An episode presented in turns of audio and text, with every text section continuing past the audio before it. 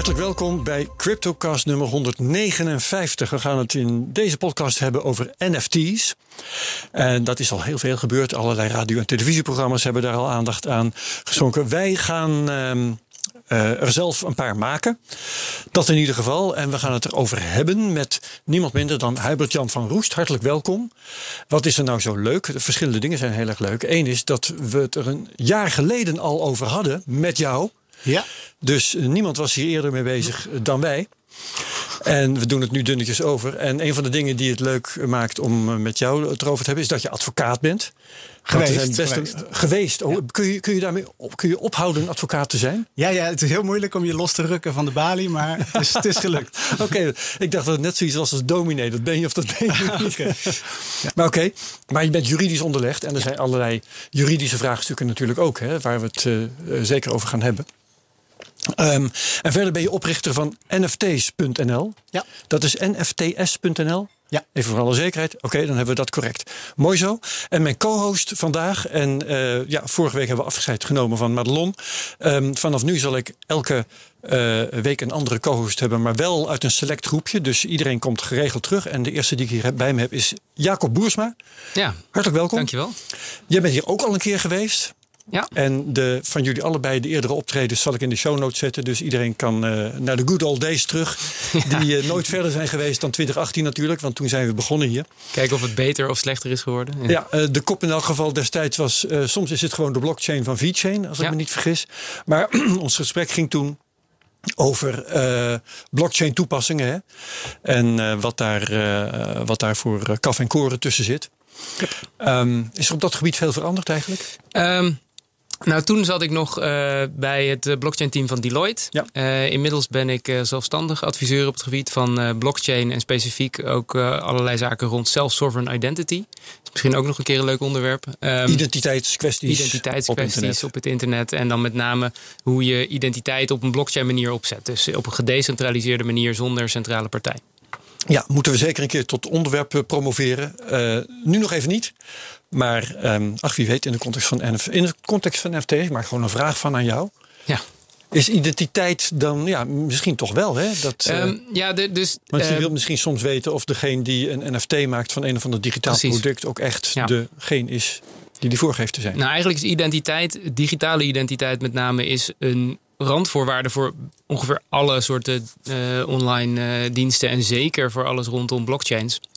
Eh, dus je wil inderdaad weten wie iemand is, eh, of, of die inderdaad de, de, de echte eh, uitgever of bezitter is van, van iets wat hij claimt te hebben op de blockchain. Ja. Ehm, en uiteindelijk is het ook heel relevant natuurlijk bijvoorbeeld om te checken of er niet allerlei fraude of, of witwassen of dergelijke Zeker.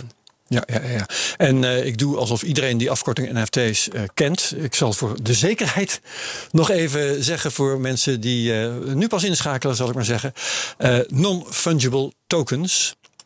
Eh, en dat is in tegenstelling tot fungible tokens, bijvoorbeeld geld, is eh, totaal fungible. Eh, of je het ene tientje of het andere tientje uitgeeft of ontvangt, maakt niet uit. En non-fungible tokens, daarbij maakt dat wel uit. Die zijn uniek, of in elk geval behoorlijk uniek. Daar gaan we het dus zo direct verder over hebben. Ehm, mooi zo, dat is allemaal besproken. Eh, be- be- bekende voorbeelden zijn trouwens eh, de tweet van, I- van eh, Jack Dorsey. Hè, die is onlangs verhandeld voor 2,9 miljoen dollar. Het kunstwerk van Beeple, 69 miljoen dollar. En Elon Musk had van alles met liedjes. Waar we eh, het er zeker over gaan hebben, omdat dat zo grappig werd gestapeld. Hè. Er gingen mensen Ja. van, van de tweet eh, van Elon Musk dat hij een NFT van een liedje zou, eh, zou maken. Daar gingen mensen weer een NFT van maken, volgens mij. Nou, dat is allemaal heel interessant en grappig. Meta-NFT. Ja. Meta, precies. Wij geven geen beleggingsadvies. Ook als het wel lijkt of we dat doen, dan geven we geen beleggingsadvies. Dan is het advies om daar niet naar te luisteren. Maar Amdax doet dat wel, want de cryptomarkt professionaliseert. Steeds meer particulieren en ook institutionele beleggers nemen bitcoin en andere cryptovaluta op in hun portfolio. Om optimaal rendement te behalen en de risico's te spreiden heb je kennis van zaken nodig. Zeker in de relatief jonge markt die crypto heet. Die kennis en ervaring deelt Amdax heel graag met je. Wat een private banker in de traditionele wereld doet. Dat doen de vermogensbeheerders van Amdax in het crypto-domein voor jou. Dan gaan we kijken naar Kraak de Quote. Dat is vandaag een eh, stuk dat we vonden via bitcoinwiki.nl. Dat is wel heel aardig. Wij bedenken hier elke keer een artikel of een andere publicatie waarin onzin wordt verteld over Bitcoin. Maar zo'n rubriek heeft Bitcoin Wiki toch al. Ik heb de maker meteen uitgenodigd. Die komt in de nabije toekomst komt hij hier als gast. Dus dat is alvast leuk. Maar goed, ze uh, hadden bovenaan de lijst staan deze week een artikel uit Business Insider over Bitcoin en het energieverbruik. En uh, nou, daar hebben ze dus heel uh, netjes hebben ze dat. Um, op de snijtafel gelegd. Terwijl ik even probeerde naartoe te klikken. En uh, ik ga niet alles hier oplepelen wat ze hebben gedaan. Ik zal er naar linken in de show notes. Maar daar staat bijvoorbeeld bij Business Insider: als de prijs stijgt, die van Bitcoin bedoelen ze, dan stijgt ook de CO2-uitstoot. Hm. En um, ja, jij lacht al, Jacob. De Bitcoin Wiki schrijft meteen: dit is feitelijk onjuist. Elk blok op het Bitcoin-netwerk duurt circa 10 minuten en heeft een maximale grootte van 1 megabyte. Dat blijft hetzelfde. Ongeacht hoe druk het is op het netwerk. Is het drukker, dan duurt het langer uh, voordat je transactie voltooid is. Maar het heeft geen correlatie met het CO2-verbruik. Is dat correct, Jacob? De, de, wat, wat daar staat is wel correct. Um, uh, er is geen directe relatie. Maar um, dat is juist. Er is natuurlijk wel een indirecte relatie. Ja, ik begrijp wat je wilt gaan zeggen. Omdat uh, naarmate de prijs van, uh, van, van Bitcoin stijgt, of en dat geldt natuurlijk voor iedere andere cryptocurrency net zo goed, dan wordt het dus interessanter om bijvoorbeeld met duurdere stroom of met inefficiëntere machines dat te gaan minen. Of met meer miners. Ja, ja dan wordt het interessanter om je miningpark uit te breiden. Dus ja. ja. Ja, en dat geldt, maar dat geldt natuurlijk in, in wezen voor iedere economische activiteit. Ik bedoel, uh, uh, er is ook geen ja. directe relatie tussen CO2-uitstoot van, uh, van benzine en de, en de olieprijs. Maar natuurlijk indirect wel, want het wordt interessanter om allerlei olievelden op te gaan pompen op het moment dat de olieprijs stijgt. Ja, en daarmee zeg je dus eigenlijk in die zin heeft Business Insider nog niet eens zo heel erg ongelijk. Nee, nee. Ja, dat zouden de, ze bedoeld kunnen hebben. De, de, eigenlijk zeggen ze van er is een, dus een gezond uh, prijsfinding mechanisme. Dus naarmate uh, dat de prijs is dus een duidelijke indicatie van hoe interessant mensen het vinden om er iets mee te doen. Ja, precies. Oké, okay, um, over Bitcoin en mining besteden we over twee weken aandacht uh, in de Cryptocast. Dan hebben we Peter Slachter, die daar een schitterend artikel over heeft geschreven in Lekker Cryptisch. Uh, en de co-host is die keer Ricky Gevers, de uh, hacker. Die er ook al een lang verleden in de crypto op heeft zitten. Die hier al eens eerder is geweest. Ik geloof zelfs twee keer. Eén keer om te vertellen over Ethereum. En de andere weet ik niet meer. Mooi zo. Um, laten we eens even uh, met z'n allen praten over de prijzen van, uh, van crypto. Er is uh, op de bitcoinprijs uh, van alles gebeurd de afgelopen week. Maar Hubert Jan, jij wilde eventjes praten over een andere coin voor de verandering. Ja, uh, nou je had het net over prijzen die geëxplodeerd zijn of die flink aan het stijgen zijn. En er is een maand of twee geleden is er een token sale geweest van een NFT-project. Dat is de Flow token van uh, het bedrijf Dapper Labs. Dat is echt een partij die al lang meegaat in NFT-land. En die token, daar kon je eigenlijk in een relatief beperkte hoeveelheid aan meedoen als, mm -hmm. als koper. Dus was vrij democratisch opgezet. Maar die is vanaf de dag dat die ja, beschikbaar werd op de vrije markt, is hij keer 100 gegaan. En daarna nog een keer uh, rond een keer 2 keer 3. Dus iedereen die daaraan meegedaan heeft voor 1000 dollar, die heeft een hele leuke uh, auto kunnen kopen. Ja, ja, ja, ja. ja. Oké. Okay. En is dat, dat die, die flow is dus niet zelf een NFT, maar het is een token die NFT's faciliteert. Begrijp ik dat ja, goed? Precies, precies. Het is de achterliggende techniek van uh, onder andere NBA Top Shots. Oké. Okay. En NBA is de National Baseball uh, Association, Basketball, Basketball Association ja. in de Verenigde Staten. Ja, dus ja, er zijn projecten ook, opgebouwd. Ja. Eigenlijk is Dapper Labs een partij die heeft gezegd, die hebben al NFT-projecten op de Ethereum blockchain gedaan, maar die heeft gezegd van ja, die Ethereum blockchain doet eigenlijk niet precies wat wij willen. Die is niet efficiënt genoeg, dus we gaan een eigen uh, project lanceren. Want Dapper Labs is ook de partij achter CryptoKitties, toch? Oorspronkelijk. Ja. Waarmee ze inderdaad bijna het hele Ethereum-netwerk hadden gecrashed uh, toen dat populair uh, begon te worden. Dus ik snap wel, het, zij hebben first-hand experience met dat het Ethereum-netwerk misschien niet zo schaalbaar is als zij zouden willen. Exact, ja. Ja, nou goed, maar daar wordt van alles aan gedaan. Misschien komen we daar ook nog over uh, te praten. En anders doen we dat een keer in een andere aflevering over Ethereum 2.0.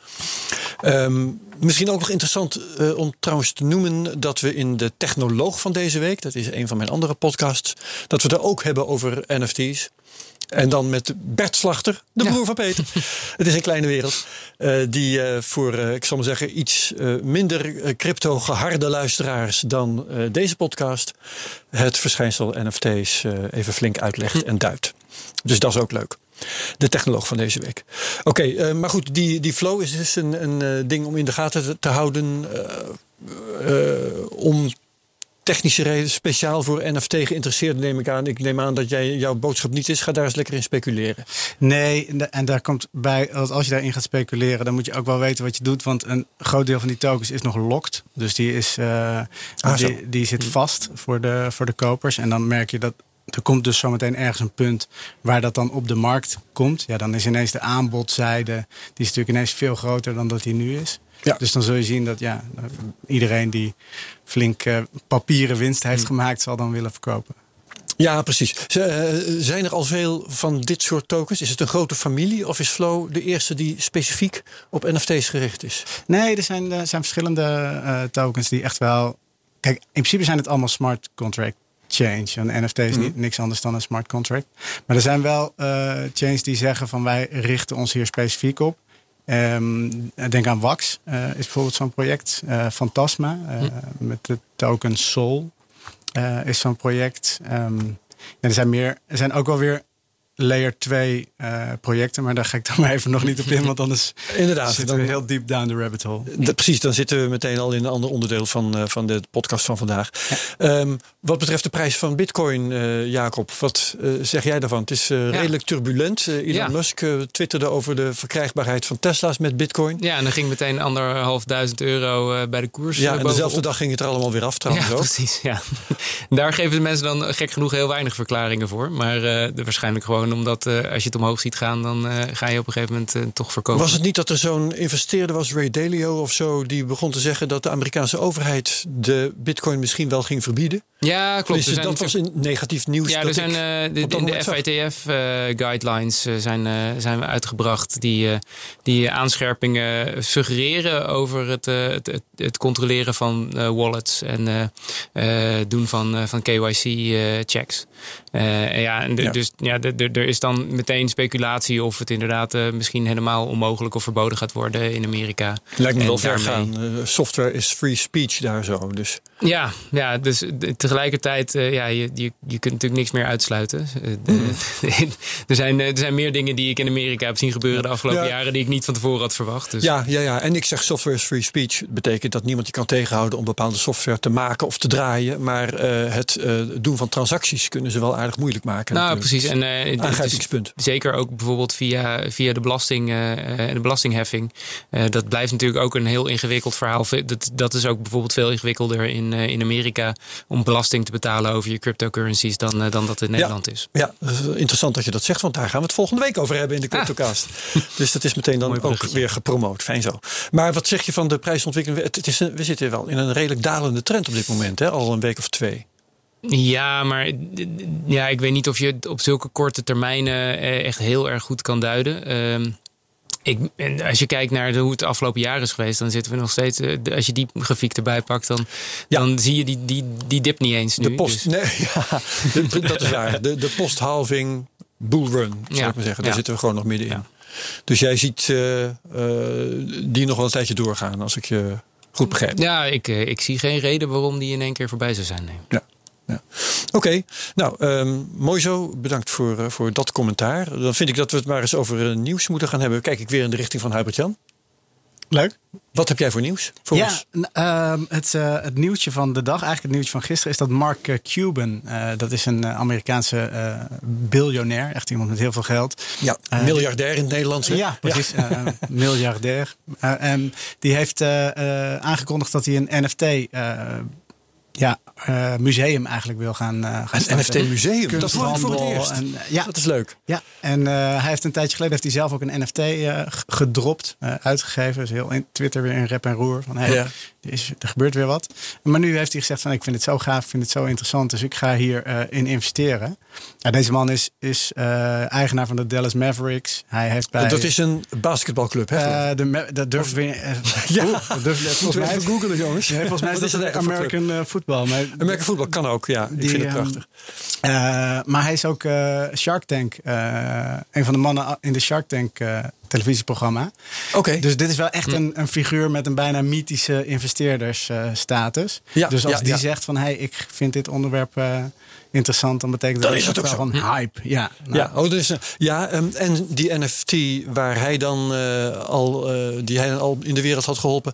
Wat is dat er voor één? Kun je daar meer over vertellen? Ja, dat is volgens mij gewoon een plaatje. Een maar, plaatje. Niet, maar, maar, gewoon het feit dat deze man zich roert in deze ja, dat heeft al betekenis. wereld heeft betekenis. Ja, nou ik. Um, ik kan iets meer over hem zeggen, want um, in de uh, dotcom boom, dus eind jaren negentig, heeft hij broadcast.com opgericht. Dat was een van de eerste ondernemingen die um, omroep, zeg maar, hè, ouderwetse omroep uh, via internet wilde gaan doen.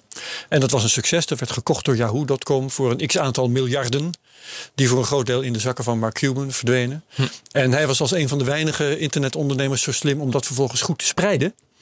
En het niet te laten zitten in aandelen van internetbedrijven. Dus toen de dotcom bust kwam, toen bleef hij miljardair. En dat kon niet iedereen zeggen. Op nee. okay. Dus vandaar dat hij nu nog steeds schat hemeltje is. Dus als en, hij uitstapt uit deze bubbel, dan moeten wij ook allemaal weer oppassen. Um, ik doe geen beleggingsadvies, maar ja.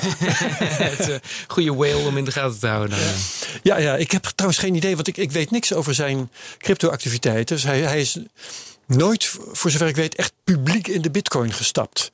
Allerlei andere miljardairs, als ze, die maakten dan bekend dat ze, Stanley Druckenmiller en hoe ze allemaal heten mogen, maakten bekend dat ze in bitcoin stapten. En dan was het ook groot nieuws. Maar Cuban is daar volgens mij nooit bij geweest. Die is wat bitcoin betreft volgens mij altijd redelijk sceptisch gebleven. Oké, um, ik heb zelf een nieuwtje dat ik vast even dump. Ik hou het echt uh, kort hoor. Um, maar dat is dat Manchester City als uh, zoveelste voetbalclub een eigen clubtoken heeft uh, gelanceerd. Eerdere uh, voetbalclubs die dat deden waren uh, uit mijn hoofd gerecht Atletico Madrid, Juventus en uh, Barcelona. Paris Saint-Germain trouwens ook. Dus dat is leuk. En dat zijn dan dingen, die, die tokens die kun je kopen. En die geven je dan bijvoorbeeld stemrecht bij dingen die de club in stemming brengt. Bij Juventus hebben ze bijvoorbeeld bezitters van die tokens laten stemmen over het deuntje dat in het stadion moet worden gespeeld als de club scoort. Hm. Geweldig. Dat soort dingen. Het is altijd heel gevaarlijk en, om daar uh, groepen mensen op het internet over te laten stemmen. Ja, want als je geen stijl daar lucht van krijgt, dan weet je wat er gekozen wordt. Het huilen is voor jou te laat of iets dergelijks. Of de Italiaanse versie daarvan. Ja, klopt. Um, dus dat is een nieuwtje dat ik. Ik heb er straks nog één. Maar uh, Jacob, jij hebt er vast ook nog wel eentje. Ja, um, het nieuwtje wat ik uh, uh, eigenlijk langs zag komen. en waar ook al wel vaker over gesproken is, ook in deze podcast. is de, de rechtszaak die tegen, door Betonic is, uh, is uh, aangespannen tegen ja. de Nederlandse bank. Die heeft de afgelopen ja. week gediend. Afgelopen dinsdag. En uh, ja, de, de uitspraak is pas over uh, twee weken. Heb jij nou die, want het was een livestream. Je kon die hele rechtszaak van begin tot eind volgen. Dat was Ja. De hele ochtend, geloof ik, ging dat door. Misschien nog wel langer. Uh, ja, ik heb er naar gekeken, maar je mocht dus niks opnemen ervan of zelfs maar screenshots ervan maken. Er stond een hele, hele boze disclaimer in het kader van de privacy Ja, van de niemand rechters. houdt je tegen natuurlijk, totdat je het gaat verspreiden. En Nee, dan heb je stront aan de knikker. Ja, dus je kon er niet met screenshots over twitteren. Nee, nee, nee. Uh, maar ja, dus het onderwerp van die, van die rechtszaak, voor, voor wie het in cryptoland nog niet had meegekregen, was de, de interpretatie eigenlijk van de, van de wet en regelgeving rondom het, uh, het tegengaan van, uh, van witwassen. Ja, en, de uh, AMLD5-wetgeving. Ja. Dus, uh, en de, het is dus niet dat, uh, dat de cryptobedrijven in Nederland zich keren tegen het feit dat er, dat er controles moeten zijn.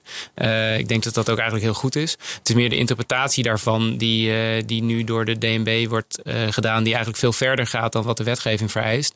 En daarmee ook ja, op, de, op het vlak komt van ja, is dit nog wel in het belang van de privacy van, uh, van alle klanten. Ja, Betonic houdt staande dat uh, als ze voldoen aan de eisen van de Nederlandse bank, dat ze dan handelen in strijd met de AVG. Ja. Dat is het kort ja. en goed, hè? Ja, dus heb je eigenlijk twee toezichthouders. De een zegt je moet dit Ja. doen en je moet allemaal screenshots gaan bewaren van mensen hun wallet. En de andere zegt je mag alleen maar een minimale hoeveelheid persoonsgegevens verzamelen. En dan moet je dus gaan kiezen welke wet je overtreedt eigenlijk. Dat Ja. is, uh, En, en weet een van jullie, want jij bent jurist, Herbert Jan, ik weet niet of je jurist genoeg bent om, om dit specifieke verhaal ook te kennen. Ehm, maar stel dat de rechter vaststelt, als de rechter dat kan, dat die twee inderdaad met elkaar in strijd zijn. Wat kan een rechter dan beslissen? In, want dit was een, de voorzieningenrechter, dus het ging vooral om het gaat om het opschorten eigenlijk van die maatregel die, nu, die ze nu onder protest hebben ingevoerd. Ja. want er loopt nog ook gewoon een bezwaarprocedure. Maar dat zijn, dat zijn procedures die gewoon heel lang duren. En in de tussentijd ja, moet je dus voortdurend, om, om te mogen blijven werken, van al je klanten heel veel gegevens verzamelen. Uh, met alle uh, potentiële datalekken uh, die, die dat als risico oplevert. Ja, natuurlijk. ja, ja. en en hieronder of hierachter loopt dan nog een, een klacht, een bezwaarprocedure, heet ja. het geloof ik, van Betonic. Um, die dus echt um, dit aspect, niet, niet, niet deze specifieke maatregel, maar de hele ja, de hele registratieprocedure van is het nou een vergunningsprocedure eigenlijk of een, uh, of een registratie? Uh, want om, uh, om de minister van Financiën te quoten, een, een registratie doe je en een vergunning wordt je verleend. Ehm, het is op papier een registratie, maar het heeft wel heel veel aspecten gekregen van een vergunningsproces. Waarbij de, de, de toezichthouder dus eigenlijk wel ja, heel veel specifieke eisen stelt en heel veel poortjes heeft waar je doorheen moet voordat je eigenlijk geregistreerd mag worden. Ja, exact. En volgens mij is er ook buiten het ministerie van Financiën en de Nederlandse Bank niemand die met droge ogen volhoudt dat dit een registratie is. Nee, nee, maar het, het is op papier nog steeds een registratie. Uh, ja. ja. Uh, maar goed, uh, Hubert-Jan, jou ook de vraag voorleggen. Stel dat de rechter vaststelt dat die um, eisen van de Nederlandse bank en de AVG met elkaar in strijd zijn. Stel even dat komt vast te staan bij de rechter dat die met elkaar in strijd zijn. Wat dan? Ja, volgens mij hoe het werkt is, uh, het zijn allebei Nederlandse richt, uh, of wetgeving die allebei interpretaties zijn van hoger liggende Europese wetgeving. Ja. En als in het bestuursrecht twee normen met elkaar in strijd zijn, dan moet je kijken welke is de hogere norm en wat is de lagere norm. Ja. Dus je zal ze eigenlijk kruislinks moeten gaan toetsen. De twee Nederlandse normen tegenover de twee ja, dwars daar tegenoverliggende Europese hm. normen. Dit is, uh, dit is echt Champions League uh, werk voor advocaten. Ik ben blij dat ik die zaak niet hoef te doen. Oh, uh, ik denk dat de advocaten blij zijn dat ze de zaak wel mogen. Maar, maar dat betekent waarschijnlijk ook dat dus heel lang gaat duren voordat dat helemaal uh, tot in de puntjes is uitgezocht. Ik denk dat het naar de Europese Commissie uh, ja. moet ergens ja. een keer. Of maar misschien komen er dus- dan prejudiciële vragen. Dus dan gaat dus de oh Nederlandse rechter aan de Europese overheid eigenlijk vragen van hoe moeten wij deze richtlijn uitleggen? Want hè, we lopen tegen iets aan wat niet helemaal goed werkt. Nou, dan zegt, uh, zegt ze in Europa, nou, daar gaan we eens even over nadenken. Ja. en dan, uh, dus het is geen uitgemaakte zaak. Um, wat je zou uh, voor mogelijk zou houden dat als die met elkaar in strijd zijn, dat dan iemand dat dan de rechter zegt: Oh ja, maar die AVG moet natuurlijk, die was er eerder voor mijn part. Maar je hebt ook nog wetgeving en interpretatie van die wetgeving dan toch nog? Want het, volgens mij gaat het hier Zeker, niet maar het gaat, om, het gaat om een richtlijnconforme interpretatie. Dus je gaat ja. kijken naar de achterliggende Europese uh, richtlijn. Ja, ja. Die is uiteindelijk. Ja, er reizen dan allerlei vragen. Want, want de vraag reist uh, ook in ieder geval of de Nederlandse wetgeving conform de richtlijn is. Ja. Of de uh, toezicht van de Nederlandse bank conform de Nederlandse wetgeving is. Dat is ook een interessante vraag. Ja. Uh, en dan vervolgens of die AVG uh, slash de betreffende richtlijn uh, en de uh, richtlijn voor het anti-witwassen en de wetgeving, ja, of die met elkaar in strijd zijn. Ja, dan proberen ze dit natuurlijk bij de, in een kort geding of bij een, bij een uh, eerstlijns rechter van de rechtbank Amsterdam, proberen ze dit om, onmogelijk complexe vraagstuk ja. voor te leggen. Ja, dat is, we kunnen nu dan al een soort van uittekenen dat daar misschien wel een vonnis uitkomt. wat hooguit een tijdelijke uh, ja. status uh, ja. krijgt. Ja. Nou, maar dat is ook gevraagd. Er is een tijdelijke maatregel gevraagd. Dus die kan de rechter op zich uh, uitvaardigen. Van laat, laat dit gedoe even zitten tot die bezwaarprocedure echt is, is afgerond. Wat dus in jouw voorspelling best wel een paar jaartjes kan duren. Ja, ja. En, en dan. Ehm, het is, ja, het, ik, ik, weet niet precies wat de eis is geweest.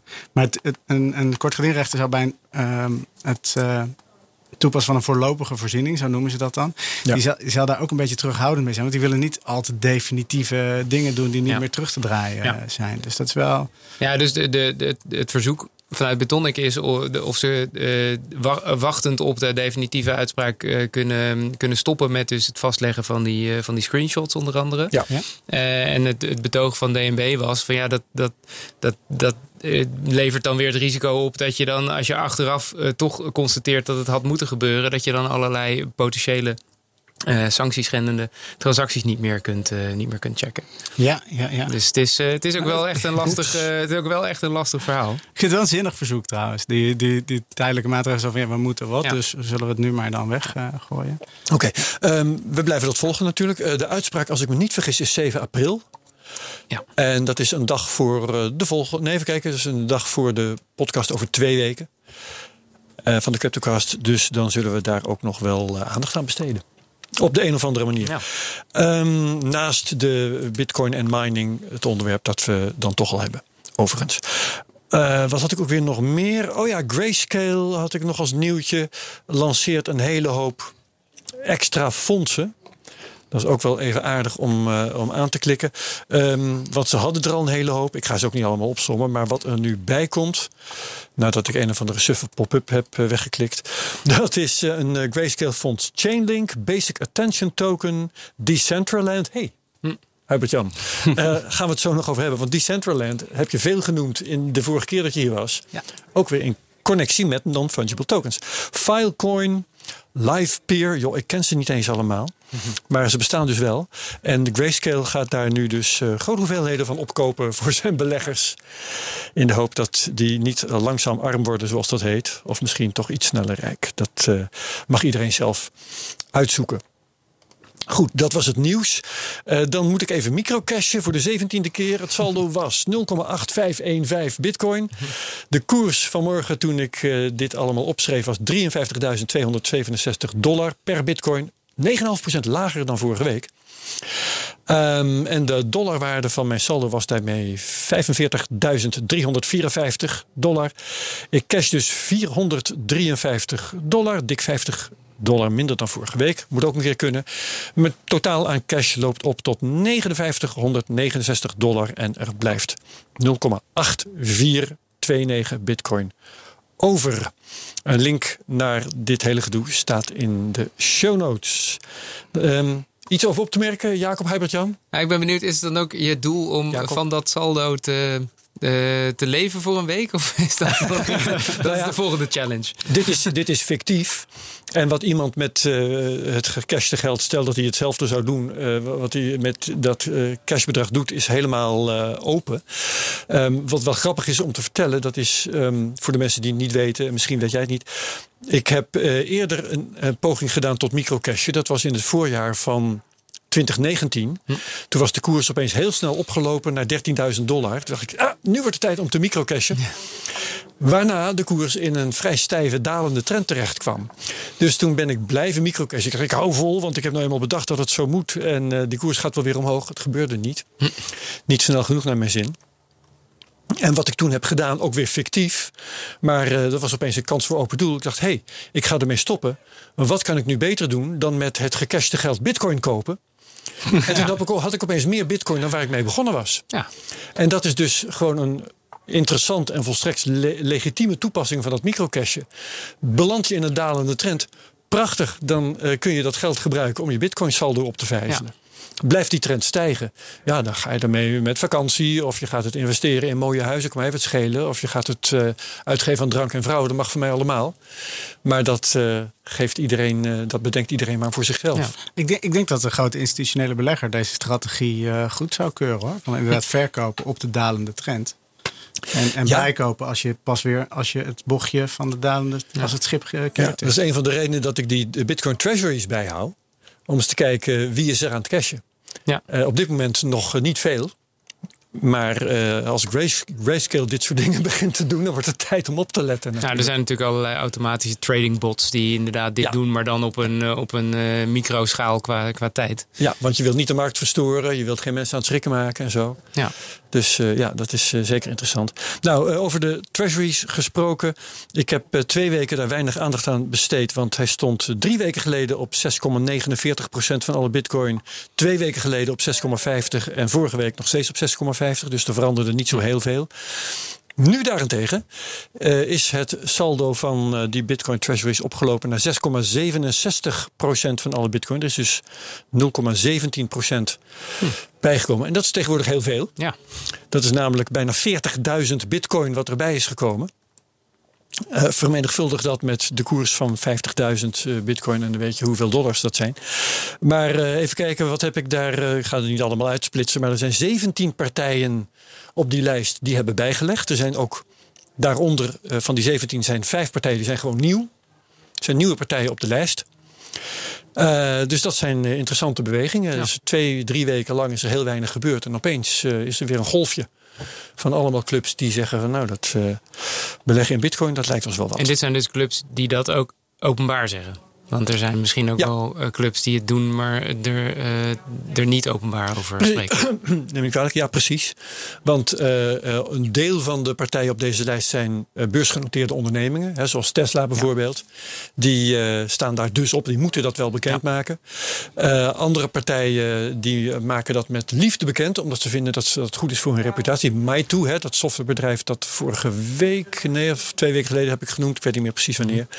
Maar zo'n Chinees bedrijf die uh, dat leuk vinden om bekend te maken. Maar er zijn er genoeg van SpaceX, wordt bijvoorbeeld vermoed dat ze het hebben gedaan. Ja, ja. Maar we weten het niet, want het is, SpaceX is nog een, ook van Elon Musk, maar het is nog een privébedrijf. Dus die hoeven dat niet bekend te maken. Nee. Dus dat is wat jij zegt. Dus inderdaad, onder water kan er van alles gebeuren. Ja, ook naar de treasuries staat een link online. Nou, dan kunnen we nu lekker gaan praten over NFT's, Huibert-Jan. Ja, ja uh, eindelijk, eindelijk, eindelijk. Hoe lang zijn we bezig? Uh, toch al gauw een minuut of uh, wat? Oh, een half uur al. ja, er wordt veel over geklaagd, maar volgens mij hebben we het over hele interessante dingen gehad. Um, ja, even kort over, over Jack Dorsey en zo hè, en, en Beeple. Wat, wat vind jij van die uh, die pu publicitair grote gebeurtenissen in uh, de NFT-wereld. Doet dat nou schade of is het juist heel goed voor het fenomeen? Nou, ik denk die, die tweet van Jack Dorsey, dat is echt heel goed voor het fenomeen. Want het zet even onze mindset open van oh, wat kan er eigenlijk? Het, het, zet, het haalt ons ja. even uit het oude denken van een NFT kan alleen maar een kunstwerk zijn of alleen hm. maar muziek. Nee, het kan gewoon, het kan gewoon social proof zijn. Zeg maar. Je koopt gewoon uh, de eerste tweet, je koopt een stukje internethistorie. Iets ja. waarvan we voorheen ja. dachten dat het niet te koop zou kunnen zijn. Dat is ineens te koop. Dat en het, ik, ik heb zelf daar wat bijgedachten bij, omdat ik denk van ja, uh, is het die eerste tweet? Het is vooral die eerste tweet om de, omdat dat stempeltje NFT erop is gezet. Maar die eerste tweet staat nog steeds op Twitter. Dus in mijn ogen is dat de echte eerste tweet. En wat je met die NFT koopt, dat is een kopie. Nou, wat, wat, welk stempeltje er ook op zit. Het is niet alleen het NFT-stempeltje, maar het is ook het Jack Dorsey approved stempeltje. Mm -hmm. Want iedereen had een, ja, zeker, een dat screenshot wel, ja. kunnen maken en kunnen minten. Dan had je er 3 dollar voor kunnen krijgen als mm -hmm. je uh, een beetje goed uh, ja, reclame daarvoor hij, maken. hij is wel de uitgever, of de, de oorspronkelijke uh, produ producent van die tweet. Dus ja. hij is ook degene die het dan het als enige eigenlijk het, het recht zou hebben om daar een NFT van te maken, zeg jij. Nou, het is een beetje zoals een snottebel van Elvis. Weet je wel? Dat is, snap je? nee, want nou ja, die kun je nog verifiëren, kun je DNA testen. Maar goed, oké, okay, dat nee, is dat, dat, is, dat is dus wat waard, omdat het van, van de bron is de beroemde uh, ja. Elvis. En omdat hier de bron Jack ja. Dorsey is. Daarom is het. Uh, ja, ja, ja. En wat het en, is, dat is niet. Jij hebt er geen last van. Ik wel een beetje, zeg ik er meteen bij. Uh, dat het toch wat kunstmatig aanvoelt. Want die snotterbel van Elvis, stel dat, dat hij in een zakdoek zit, die is lekker verkreukeld. En op de video zie je inderdaad dat hij een zakdoek gebruikt en dit en dat. Uh, dus die is heel erg letterlijk tastbaar. Ja. En dat is dit toch minder? Nou, volgens mij zijn we heel erg aan het verschuiven. We gaan meteen deep down the rabbit hole. Volgens Prima. mij zijn we heel erg aan het verschuiven van objectieve waarderingen uh, van, van dingen naar subjectieve uh, waarderingen. Dus dat de, deze een softwareondernemer, uh, die heeft misschien zijn bedrijf wel gestart omdat hij zo geïnspireerd is geweest door Jack Dorsey, die die tweet heeft gekocht. Die man is zielsgelukkig dat hij hm. deze tweet heeft gekocht. Ja. En die wil daar met alle liefde 2 miljoen voor betalen. Uh, wij zouden zeggen, ja, wat moet je met dat ding? Maar hij ja. hangt het misschien op de muur of hij gaat er in een interview. Oh ja, kun je een NFT op de muur hangen? Want ja, dan moet je toch gewoon die tweet gaan printen weer, denk ik, of niet? Ja, of je, of je, uh, je hangt een scherm aan de muur waarin jij geïnterviewd wordt door de lokale Maleisische tv-zender ja, ja, over jouw tweet. Je kan het op allerlei manieren doen. Jawel, ja, ja, zeker. Je zou er weer een hele grote QR-code in, op schilderijenformaat van kunnen maken, toch? Dat uh, ja. hebben ze volgens mij ook wel van andere public keys en zo gedaan. Ja, ja en, en, dat is een goeie. En, en de grap is dat als je dus aan die QR-code, want het is natuurlijk in, in, de, in, in, in de kern is het een data-entry. Daaraan kun je dus weer van alles ophangen. Dus iedere keer dat die gescand wordt, gaat er een muziekje spelen. Of iedere keer als er iemand langsloopt, uh, gaat er een augmented reality ding af. Je kunt het zo gek niet verzinnen uh, wat je allemaal kunt koppelen aan dat, aan dat ene sleuteltje. Ja. Maar um, ik, ik krijg altijd, uh, de, als je het gaat vergelijken met, uh, met, met dingen die, die we al eerder kenden, als, als zijn de uh, soort eigendomsrechten op, op dingen, dan maken ze vaak de vergelijking met zeg maar voetbalplaatjes of dat soort dingen. Dus er is ook geen garantie dat, dat Dorsey niet nog een keer een NFT van diezelfde tweet zou kunnen gaan maken, toch? Dat nee, maar, maar, dat is, Behalve dat hij dat, dat gezegd heeft. Altijd dat de tweede. Kijk, dat is altijd ja, de Want, dat is in de, publiciteit ligt dat alleen al vast. Laat, en, en in de blockchain natuurlijk al helemaal. Ja, het is wel de, je, de, je weet zeker wat de eerste editie is. Dat, uh, ja. Ja. In die zin uh, is het meer zoals met boeken. Dus uh, dat je een eerste druk uh, is meer waard dan een, dan een zoveelste druk. Ja. Ja. ja. maar het is wel leuk om nu terug te grijpen op die activiteit van Mark Cuban. Want um, hoe zie jij een. even, ik weet niet precies of, of bekend is wat hij zelf gaat doen, hoe hij zelf dat gaat invullen. Maar hoe denk jij, Hubert-Jan, dat een NFT-museum eruit zou moeten zien? Um, nou, het, het uh, domein heet lazy.com en hij heeft het geframed als the laziest way to show off your NFT's. dus uh, lazy.com. Oké, okay. um, show notes. dat is, dus hoe zou het eruit moeten zien? Um, uh, ik denk dat je dus het eigenaarschap van de NFT, als je dat op de een of andere manier in een gave visuele vorm kunt laten zien. Ja. Uh, de stijl, jij hebt die tweet van Jack Dorsey. Stel dat jij inlogt op het domein lazy.com en je hebt tweet, dat, staat, dat kun je dus aflezen uit jouw wallet. Je bent, je hebt, jouw wallet is connected uh, in, door middel van een Metamask extensie of iets dergelijks. Uh, uh, dan zou, zou die bijvoorbeeld ronddraaiend in een open space kunnen hangen in augmented reality. Of ja, hij zou, ja, ja. Hm. Maar dat zijn dan inderdaad weer digitale bewerkingen die je daarop kunt toepassen.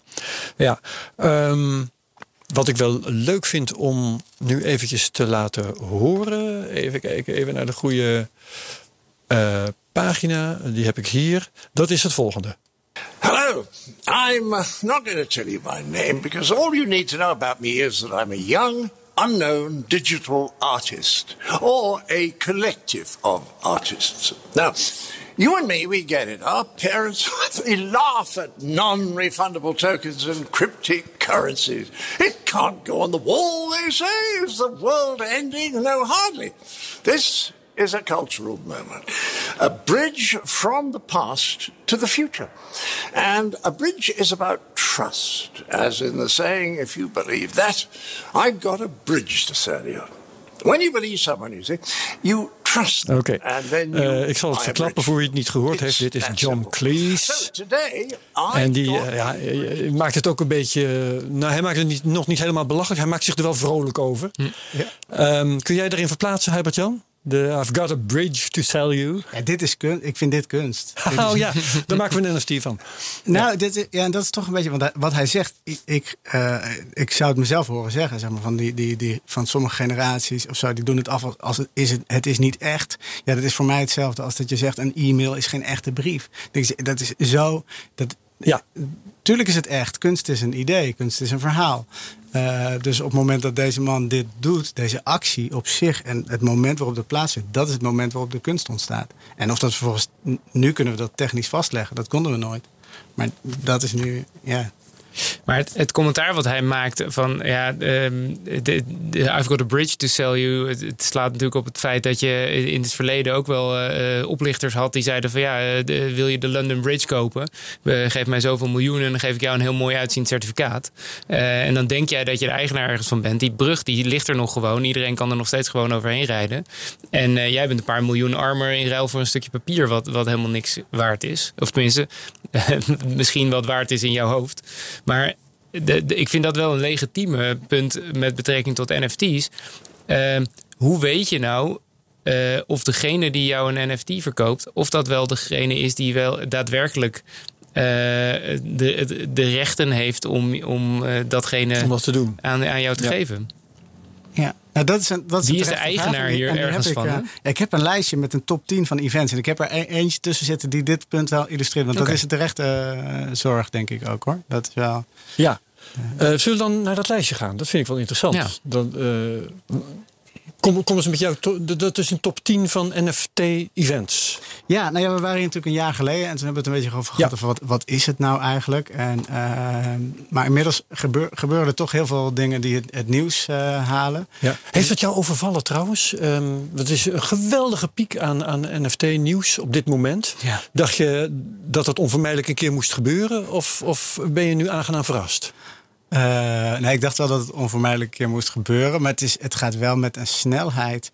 En dat komt denk ik ook wel omdat, omdat het toch een beetje het domein is van de, van de creatieven en van de, van de kunstenaars. Die vaak een groot bereik hebben op social media en zo. Dus het verspreidt zich heel snel nu. Het is echt wildfire eh, Ja. op Twitter. Eh, dat, dus, dus, maar ik had eigenlijk nog niet verwacht dat het nu al Nee, zou, nee, nee. eh, Dan komen we met die top 10. Ben Ja, benieuwd. Eh, nou op top 10, eh, Rolling Stone Magazine schrijft over NFT's. Dat was. eh, Ja, die, een paar keer zelfs. Ja, en dat was wel. ehm, eh, ik zat het dan een tijdje te tweeten. Ga nou eens. Wat zat je te tweeten? dat ze erover moesten schrijven. Dat ze het moesten doen. Oh, je hebt ze aangemoedigd. Dus nou, dat, dat, claim ik, dat claim ik dan maar, dat weet ik niet. Oh. ze, hebben, ze hebben in ieder geval een, een artikel geschreven. Wat, eh, wat ze zeiden van nou, NFT's gaan een rol spelen ehm, bij het empoweren van, van jonge artiesten bij het uitgeven Ja. van hun werk. Dus de, Mhm. alle gatekeepers die daartussen zitten, de platenmaatschappijen, die traditioneel zeggen van ja, jij weet niet hoe dat werkt met rechten en met IE en met auteursrechten, kom maar bij mij in mijn stalletje. Nou, dan, eh, en als ze dan ontploffen, dan gaat al het geld naar die platenmaatschappij.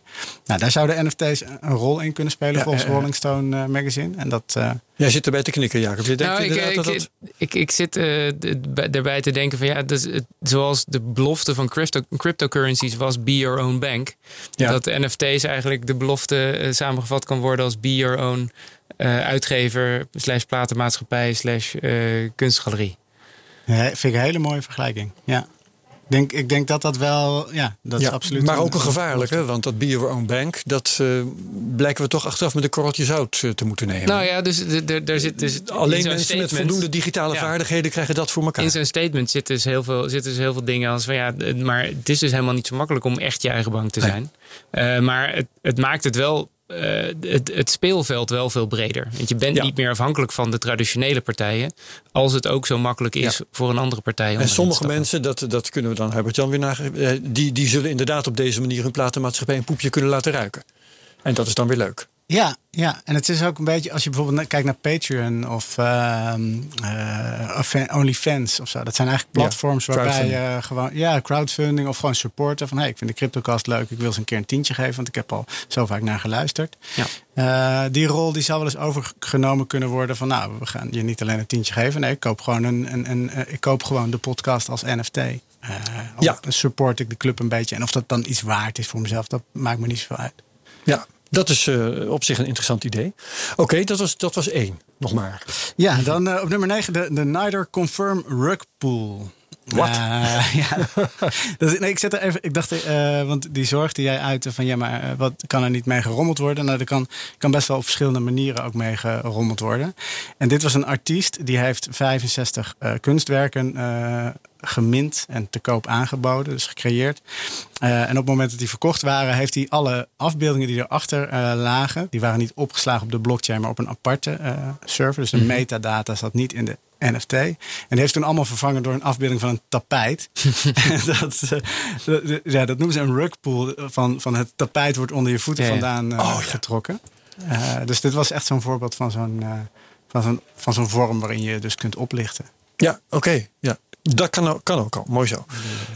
De grote grap is dat die tapijten vervolgens ook weer geld waard worden. Want dan is het net zoals die versnipperde Banksy. Ja. dat, Ja, maar die versnipperde Banksy is ook wel een interessante. Want dat is dus, ja, wie was nou het, wat is nou het oorspronkelijke kunstwerk? En Ja.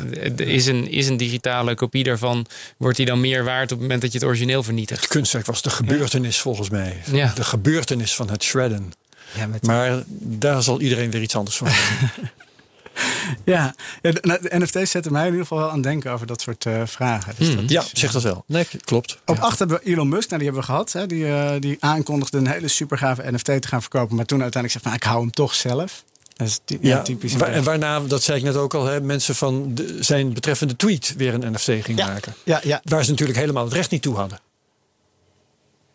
Nou, dan nou, Is dan- dat- oh, daar dan hebben we even juridische vraag Ja, Ja, dat is wel een interessante vraag. Ja. Wie heeft het recht om ergens een eigendomstoken van te maken? Ja. ja, nou, het, het, eh, nou ja, is, is een NFT een eigendom? Dat, dat is ook al een vraag natuurlijk. Dat is, ja, dat, daar begint het al mee. Ja. Waarom welke zou je welke rechten heb je als je een NFT hebt? Heb je gewoon een NFT van de, de, de nachtwacht, voor mijn part? Eh, nou, de, Mag ik dat de, doen? de, de relevante vraag hier is of het een werk is. In de zin van de auteurswet uit 1921. Oh, Oké. dat, is, dat is volgens mij wat, wat het achterliggende die had je alvast opgezocht. Eh, nou, nee, de- ik, ik ben er altijd ver weg van gebleven als advocaat. Want Die, eh, het is niet helemaal mijn thema, maar ik weet in ieder geval de basis. En dat is van, is iets een oorspronkelijk werk? Dat is altijd de vraag. Ehm, dus stel dat je dan een kunstwerk maakt waarin je die tweet eh, gebruikt. Stel dat je het dan gewoon één op één kopieert. Dan noemen we dat slaafse nabootsing. Dat mag niet. Dat is een inbreuk van de oorspronkelijke werkmaker. Als even vanuitgaan dat Elon Musk in Nederland zou wonen. Want anders wordt het nog veel complexer. Ja.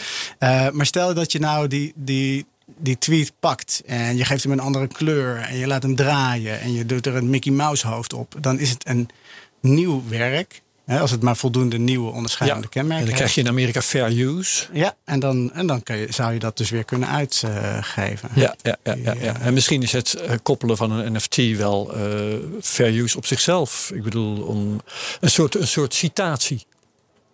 Maar dat, dat bedoel ik dus eigenlijk. Dat Ja. soort dingen moeten worden uitgezocht. Want een NFT is iets volkomen nieuws. Ja. Eh, daar, daar, eh, die Ja. staat niet als zodanig in de wet. Nee, en je kan dat ook niet. Kijk, we willen wel op zoek zijn naar een antwoord voor NFT's. Maar dat is natuurlijk dat is net zoiets als dat je een eh, antwoord hebt voor elk schilderij. Maar dat is niet zo. Je moet dat gewoon per geval bekijken: van is dit nou een nieuw auteursrechtelijk werk? Ehm, wat heel interessant is, want de vraag bij, bij collabs, als je, als je kijkt naar muziek, heb je vaak samenwerkingen tussen verschillende artiesten. Waarbij je dus vaak de afspraak wil maken van nou een deel van de opbrengsten gaat naar jou, een deel van de opbrengsten gaat naar jou, deel naar de platenmaatschappij. Ja. Dat soort afspraken die zou je juist in een NFT of juist in een smart contract zou je die heel goed kunnen vastleggen. Ja. Eh, dus dat is wel. eh, Dat heb ik al ergens gelezen. Een NFT, dat zei je al, is een smart contract. En daar kan veel meer in staan dan alleen maar dit is echt. Ja. Er kan ook iets in staan over wat er gebeurt als zo'n ding weer wordt doorverkocht. ja, precies. Maar een NFT zelf is wel ook een, een digitale asset die je weer mag verkopen aan iemand anders, toch? Dat is, dat, dat is wel volgens mij een beetje de gemene deler ervan. Ja, ja, ja, een digitale asset is wel denk ik een goede, eh, goede samenvatting. Of je hem mag verkopen, dat is eigenlijk, kom je dan in het contract terecht. Van, eh, me- de meeste dingen die je koopt mag je gewoon doorverkopen. Eh, alleen je mag niet herpubliceren. Stel dat ik bijvoorbeeld een cd koop in de winkel, Ja. dan mag ik die afspelen. Maar ik mag hem niet eh, vermenigvuldigen en vervolgens... Nee, want je hebt niet het, het copyright op de muziek die erop staat. Precies. En, en, maar wat de afspraak is in die oorspronkelijke koop-verkooptransactie, dat zul je dus eigenlijk moeten afspreken. Dat kan bijvoorbeeld in algemene voorwaarden. Ja. Of in... Ja. Ja, oké. Ehm, zeven. Zeven. eh, de, het album van de Kings of Leon is uitgegeven als NFT. Eh, Dat hebben ze zelf gedaan, van hun eigen werk. Van hun eigen werk, ja. Ja, Dus gewoon echt een, een, een, een legit eh, album. En met wat extraatjes erbij, wat artwork en dat soort eh, dingen. En dat heeft dus, als ik het dan probeer te vergelijken met de, de ouderwetse wereld, heeft de status van een, een eerste exemplaar of zo. Ja, en ze hebben hem, wat ze hebben gedaan is ze hebben hem een tijdje opengezet. Dus je kon hem Ja. eh, kopen en zodra iemand hem kocht, werd hij eigenlijk aangemaakt, zeg maar. En dan stopt op een gegeven moment die verkoop. En zoveel exemplaren als er op dat moment zijn, dat is de eerste druk. Dus het is eigenlijk Ja, een, soort, een soort flexibele... En dat heeft dan een beetje de status van, van eh, wat je vroeger als je een fysieke CD kocht. Je, bent niet, je wordt niet eigenaar van, van, de, van de, de intellectuele eigendomsrechten, maar je wordt wel een soort van eigenaar van één, exemplaar van die eerste druk. Met van een CD. handtekening erop. Ja. Ja. ja, en dat is natuurlijk wel wat we in de jaren van Spotify en zo een beetje kwijt zijn geweest. Het, het, eh, wat, i- iTunes kocht je natuurlijk wel een muziekje. Maar ja, als je dan. Eh, Nee, je kon er, ja, de, de- de- de- je kon ook heel makkelijk al die digital rights eh, omzeilen. En dan had je toch nog steeds heel veel, eh, heel veel mp3'tjes waar je eigenlijk geen recht eh, op, op had. eh. Ja, en dat is toch omdat het dan. Dat is, het is helemaal uitgekleed eigenlijk tot alleen maar het afspelen. En dan Ja. ga je inderdaad zoeken naar wegen om dat te omzeilen. Terwijl als je iets hebt, net zoals dat vroeger toen dvd's er waren, dat mensen toch, ja, die willen dan toch dat in de kast hebben. Dat is nu misschien weer een Ja. beetje terug. Oké, volgende. Eh, de SpaceX-lancering in eh Decentraland. Oh, nou wordt het interessant. Dan Ja. gaan we het ene, eh, ene veld met het andere kruisen. Want die Centraland, daar hebben we dus, vertelde ik net al, hebben wij het vorige keer uitvoerig met elkaar over gehad. Dat is een, sommige mensen herinneren zich Second Life. Het is een, het is een virtuele wereld. Ja. Waarin die NFT's ook een rol spelen. Maar eh, kun jij beter vertellen dan ik? Ja, de, ja, de NFT's zijn daar eh, onder andere de, de grondrechten. Dus als jij een, eh, je kunt een NFT hebben, dat noem je een parcel. Dat is eigenlijk een stukje digitaal land. Ehm, Ja. eh, en daar kun je dan een scènetje op bouwen waar je iets mee kunt doen. En toen de SpaceX-lancering was, dus die, die hebben, zo'n, ja, hebben iedere maand ongeveer een lancering, maar die hadden op een gegeven moment zo'n testraket. dat iedereen aan de. Ja, de SN10 of de SN11. Ja, dat- Luister naar eh, mijn andere podcast, Space Cowboys, kan ook nog. Oké, oh ja, die zit daar natuurlijk helemaal in. Ja. Ehm, maar goed, iemand had het dus nagebouwd dat, die, eh, dat er werd afgeteld eh, live. Dus je kon in die virtuele wereld kon je dus met je neus op dat event staan. Ja. Wat natuurlijk een soort scherm was. Maar iemand had dus ook echt die raket nagebouwd. En toen die in het echt Oh, in de wauw. lucht in ging, ging die dus ook in virtuele vorm de lucht Dus eh, in. dat, dat- dat was niet een kopie van de video, maar het was echt een, ehm, een object, zeg maar, dat zich net zo gedro- gedroeg als. Ja, precies. Dus een soort is in-game. wel heel eh, bijzonder. Virtuele simulatie eigenlijk. Ja, Ja. waar iedereen dan echt stond te, ja, te klappen en te dansen. En, En nu zeg je, daar is dan weer een NFT van gemaakt. Begrijp ik dat goed? Nee, nee, nee, nee. Dit was Oké. gewoon echt een moment in, een, in een metaverse, dus een, een. NFT's gebaseerde wereld. Ja, oké, prima. Next. Next. Eh, de, het moment dat een commentator van de NBA eh callde: Dit wordt een topshot moment. En die- dit is, dus zover doorgedrongen is het. Dat is heel hard gegaan hoor, de afgelopen maanden. Ja. Ehm, maar die NBA topshots, nou, die gaan. Daar worden dus eh, van dunks en van momenten in het basketbal worden een soort van hele gave eh, plaatjes gemaakt. Die zitten in een pack, dus echt in een zilveren wrapper. Dus als je die openmaakt, eh wrapper met, met, met WR, zeg maar, zo'n zo'n Ja. echt zo'n pakje wat je openmaakt. Die koop je fysiek in de winkel. Nee, nee, NFT's. Oh, het is volledig allemaal digitaal. Ja, nee, het is de precies, digitale versie van, eh, van hebben. sportplaatsjes. Ja, Ja, en, die, die worden dus gedropt. Dus van, Ja. nou, er, komt, er komt weer een nieuwe ronde packs aan. Nou, daar zit iedereen klaar. Echt met duizenden mensen in een wachtrij. En het zijn er altijd veel minder dan de mensen die ze willen. Zodra Ja. ze verkocht zijn, gaan ze, meteen over, gaan ze meteen tien keer over de kop qua prijs. Dus het is een beetje gekte wel. Ik vind, dat, Ja. ik vind er ook wel wat van dat we daar een beetje mee op moeten Nee, goed, maar dat is dus al zo ingeburgerd daar. Ja. Dat de commentator dat zelfs al noemt. Die roept van, hey, this is gonna be a top shot. Weet je wel, dus echt de, de gaafste momenten, de gaafste dunks worden, worden dus... eh, ja, ja, ja, dat heb je in eh, Nederland echt nog niet. Nee, Nee, dan hebben we voor de Nog even, voetbalcompetitie. ja, precies voor, eh, wat is het, eh, het WK, waar Nederland nu net voor Ja, verloren heeft. Ik zou echt heel, to- toch de, de sliding van de linksback van Fortuna Sittard als NFT. Dat, Nou ja, ik ik kan me voorstellen dat de FIFA hier ook wel naar zit te kijken, inderdaad. eh. Ja, verdienmodel moet, komen we zo op. Maar eerst even de lijst Maar afwerken. dan, dan hebben we Oh, over sorry. die, eh, want eh, dat topshots, dat, dat vind ik dus wel een interessante. Want eh, aan de ene kant is dat heel erg eh, begrijp, begrijpbaar, hè? want het is gewoon een virtuele versie van de, van de voetbalplaatjes, of in dit geval basketbalplaatjes. Aan de andere kant snap ik dan niet zo goed van waarom dat een NFT zou moeten zijn. Want de, de NBA kan dit toch ook gewoon, zou dit ook in eigen beheer kunnen doen, toch? ja, en dan loop je wel. Het, het idee achter NFT's is wel dat ze dus vrijelijk verhandelbaar zijn op secondary markets. Nou, dat is vaak met in-game items en, en, en collectible items voor blockchain is dat niet het geval. Dus dan kun je ze vaak wel verhandelen voor, voor nepgeld. Maar dan kun je dan vaak ook alleen maar weer wat in die beperkte centralized omgeving.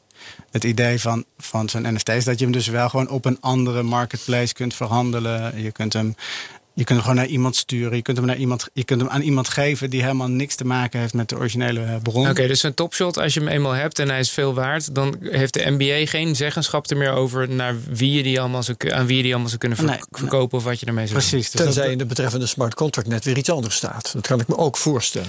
Daar gaan we denk ik wel dingen van zien. Ik denk dat Ja. nu, ik vermoed dat die licenties, want een, een licentie van een sportclub is opgeknipt in, in honderdduizend eh, stukjes. Van Hmm. broodtrommels tot, eh, tot posters, noem het Ja. maar.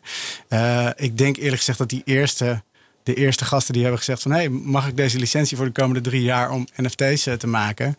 De, ik denk dat die vrij makkelijk weggegeven zijn nog Ja, ja. Door, de, ja, ja. door de clubs. Maar nou gaat me wel iets dagen, want ehm, je kunt je inderdaad afvragen: wat is er nieuw? Ehm, een club of een sportbond kan foto's verkopen, filmpjes verkopen, van alles en nog wat verkopen ehm, aan fans. Dat is een verdienmodel, is mooi. Maar eh, die fans kunnen daar dan vervolgens niet zo vreselijk veel mee. Ja, je kunt een tweedehandsmarkt in CD's hebben, maar juist digitale producten, is het al gauw eh, schending van het auteursrecht om dat door te verkopen op een of andere manier. Terwijl als het een NFT is, dan is het opeens een stuk makkelijker te legaliseren. Ja. Eh, onmogelijk te maken als de oorspronkelijke verkoper het niet wil, maar eh, op een legale manier. Toen bijvoorbeeld zodanig, daar hadden we het ook in de technoloog over trouwens, dat de oorspronkelijke maker elke keer weer een percentage krijgt als het wordt doorverkocht. Ja. Schijnt mogelijk te zijn. Ja, absoluut. En ik weet niet, eh, Jacob, jij noemde net die rechtszaak van Bitonic, maar er is ook een rechtszaak geweest van een Nederlandse partij die e-book, doorverkoop van e-books, is een aantal, aantal Ja. jaren Ja. gespeeld. Het doorverkopen van e-books mogelijk wilde maken. Ja, tweedehands e-books. Ja, en dan moest je een soort van beloven. Dat, dat is hoe dat ging voor, voor, voor NFT's. Je moest, dus beloven dat je het, een exemplaar had weggegooid, zeg maar. En daar kreeg je dan credits voor. En, en dan kon je dan Ja. een nieuw boek mee kopen. Het was natuurlijk een heel raar. Nou ja, en heel veel van die e-book, eh, eh, van die e-reader, dus bijvoorbeeld eh, die Amazon e-readers, die, die eh, in, de, in de kleine lettertjes van de voorwaarden staat ook dat jij helemaal geen eigenaar wordt van al die e-books die je daarop eh, Nee, klopt. op Dus je huurt ze eigenlijk. Ja. Of, het heet een Ja. licentie, maar Ja, zij, maar zij kunnen gewoon, eh, de- als, zij, eh, als ze dat willen, kunnen ze die, die boeken ook weer gewoon van je, van je e-reader af, eh, afgooien. Ja, als de licentie van de server verdwijnt, of Ja. zo'n soort constructie is het, dan. Ja, eh, dus dan dat is wel interessant. De, de, ik, daar snap meer. ik wel dat, eh, dat je inderdaad dingen met een blockchain wil. Om, om ook bij wijze van spreken dat eh, een oncensureerbaar eh, aspect ervan te krijgen. Ja. Dat de boekhandel jouw eh, eerlijk gekochte boeken niet komt weghalen. Dat is in feite wat er Ja, gebeurt. ja, of, of in In dit geval de, de, de NBA, weet je wel. Stel Ja. je voor dat zij ruzie krijgen met een of andere speler. En eh, zeggen Ja. van nou ja, alle, alle beelden van deze speler... die eh, willen we eigenlijk gewoon eh, verwijderen van het internet. Ehm, als jij dan inderdaad zo'n NFT hebt, dan, eh, dan kun je zeggen van ja, nee, maar ik ben eigenaar van, de, van deze beelden van deze persoon. Ik ben nog wel fan van hem. Maakt me niet uit eh, wat de NBA daarvan vindt. Ja, dat is wel wat de, het alleroudste baseballkaartje ter wereld. Is het kaartje van Honus Wagner. Eh, volgens mij niet een hele beroemde ho- honkballer, eh, maar, maar wel eh, beroemd Ik heb geworden. daar iets over gelezen. Ja. Ja, ja, ja. En, die, en, en die, eh, die werden vroeger weggegeven bij sigaretten. Uh-huh. En dat vond, hij was tegen eh, sigaretten. Eh, dus hij is ook helemaal, hij is het nooit eens geworden met het uitgeven van dat plaatje. Maar toch is dat plaatje is al, nou ja, tien keer van eigenaar gewisseld. ja, maar er er zijn er daardoor. Door die affaire zijn er extra weinig van gekomen, geloof ik. Hè? Ja. En daardoor is de, die Daardoor is het weer heel enkele zeldzaam. die er nog en wel daardoor is het weer heel waardevol. Juist. Ja. Ja, Ja, net ja, als ja. eh, ja, verkeerde drukken van eh, postzegels en zo. Ja. Zoiets. Oké, waar waren we? Bij ehm, nummer vier, de, de, de sharding van een CryptoPunk. Ik heb echt een beetje de gekke dingen uit. ja, eh, er is iemand op, Nieuwe woorden leren hier. ja, ja. er is iemand op het internet die heet Pranksy. En Pranksy die doet allerlei... Die is een paar, hij is een paar jaar geleden begonnen met, met het kopen van NFT's en het verhandelen. En, ehm, maar die doet, ook- die doet ook voortdurend hele gekke dingen. En, en CryptoPunks zijn eh, eigenlijk de allereerste NFT. Dus die zijn, die zijn ook geld waard vanwege dat eh, karakter. En hij heeft er eentje gekocht. En die heeft hij meteen, hij heeft een token uitgegeven met de, de, de CryptoPunk als onderliggende Ja. waarde. Dus En die CryptoPunks, dat zijn van die dit- een beetje hele 8-bit-achtige eh, plaatjes eigenlijk van, eh, Ja. van personen eigenlijk. ja, het stelt Ja. niks voor. Het, Nee, is het echt, is eh, echt heel, ik heb er ook wel eens eentje gezien. Ik denk, waarom is dit geld waard? Maar ja, blijkbaar is dat Omdat waard. anders het doet. Ja. Ja, nee, het is in principe dezelfde narrative als Bitcoin. Hè. Bitcoin er zijn zoveel bitcoins in omloop, dus zijn ze geld waard. Ja, dat kun je ook toepassen op, eh, op, op, op deze crypto. Ja, maar toch moet er ergens een kiem zijn hè, dat, dat iemand het wil hebben. Ja. Want als niemand het wil hebben, wordt het ook geen Nee dan, wordt het, nee, dan is er geen vraag. Dus Als, als het geen- gewoon iedereen koud laat, dan eh, kun je eh, dingen schaars maken wat je wil. Dan vindt iedereen dat prima. ja, ja dus, dus ik, ik weet ook niet of dit de stand destijds gaat, gaat overleven hoor. Dat, dit echt Dat is dus een hele is. interessante vraag. Ja, ja, ja. Maar, maar goed, deze eh, man heeft dus tokens uitgegeven met een NFT als onderliggende waarde. En dat vind ik wel interessant, want dat zie je nu meer verschijnen. Dus eigenlijk fondsen eh, waar NFT's gekocht worden en waar dan tokens worden uitgegeven die een, Ja. een, een participatie in dat fonds eh, betekenen. Ja, want dat is met dat kunstwerk van Beeple ook eh, meteen gebeurd, toch? Dat is gekocht door een consortium wat er, die er meteen B20 tokens aan Oh, dat eh, durf ik niet te zeggen, maar het zou me heel, ik zou me het heel goed kunnen voorstellen. De grote grap is wat dat dan vervolgens. Dan moet je wel heel goed vastleggen op de achtergrond wat er gebeurt met die oorspronkelijke kunst. Want anders kun je het nooit meer veilen en dan. Nee, dus je bent, je- ja, je- op zich kun je natuurlijk, dat is wel weer het aardige ervan, dat je het weer heel erg kan eh, ehm, decentraliseren, het eigendom zelf ook weer. En, en daar ook weer allerlei soort van bijna derivatives van kan, eh, kan gaan maken. Ja, Afgeleide producten. Ja, afgeleid Ehm, producten. nou ja, ja, even vertalen. Ehm Herbert-Jan, ik wil even een zijpaadje bewandelen. Want jij zei, ik weet niet of dit de tand des tijds eh, gaat doorstaan. Hè? Dat is eh, natuurlijk altijd een beetje de vraag bij zoiets nieuws. Maar ik eh, las toevallig vanmorgen nog een artikel van Seth Godin. Ergens op het web.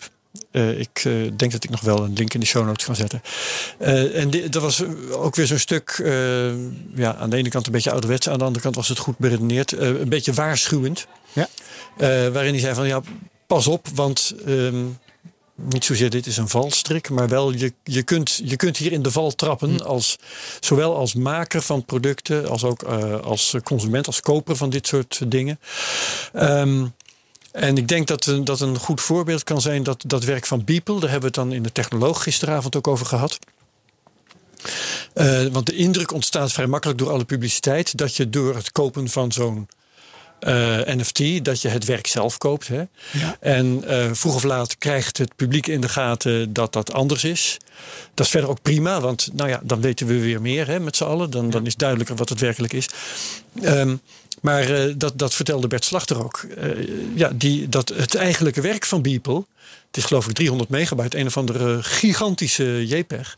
Dat kan iedereen gewoon downloaden. Dat is, dat is helemaal geen probleem. Ja. Ehm, maar ja, kijk, die, die hoge waarde van die NFT eh, is misschien deels wel ontleend aan het idee dat mensen hebben eh, dat het anders is. Dat je daarmee dat kunstwerk koopt.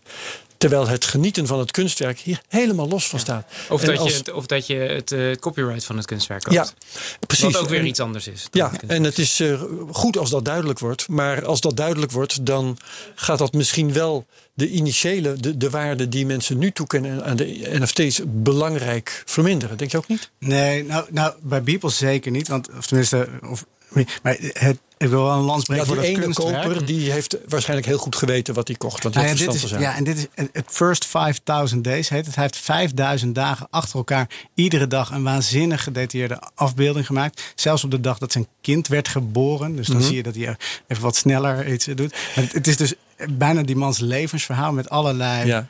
Eh, actuele events. Maar dat ding kun je dus gewoon downloaden. Ja, maar dat is, eh, in het Boymans van Beuningen eh, ligt de pindakaasvloer van Wim T. Schippers. Jij kan thuis ook pindakaas op je vloer smeren. maar dat is, dat is niet het kunstwerk. De, het kunstwerk is dat idee. Het, en Ja. het, het recht om dat te mogen exposeren. Het, eh, het recht om jezelf eigenaar te mogen noemen. Dat, dat is de... Oké, fair enough.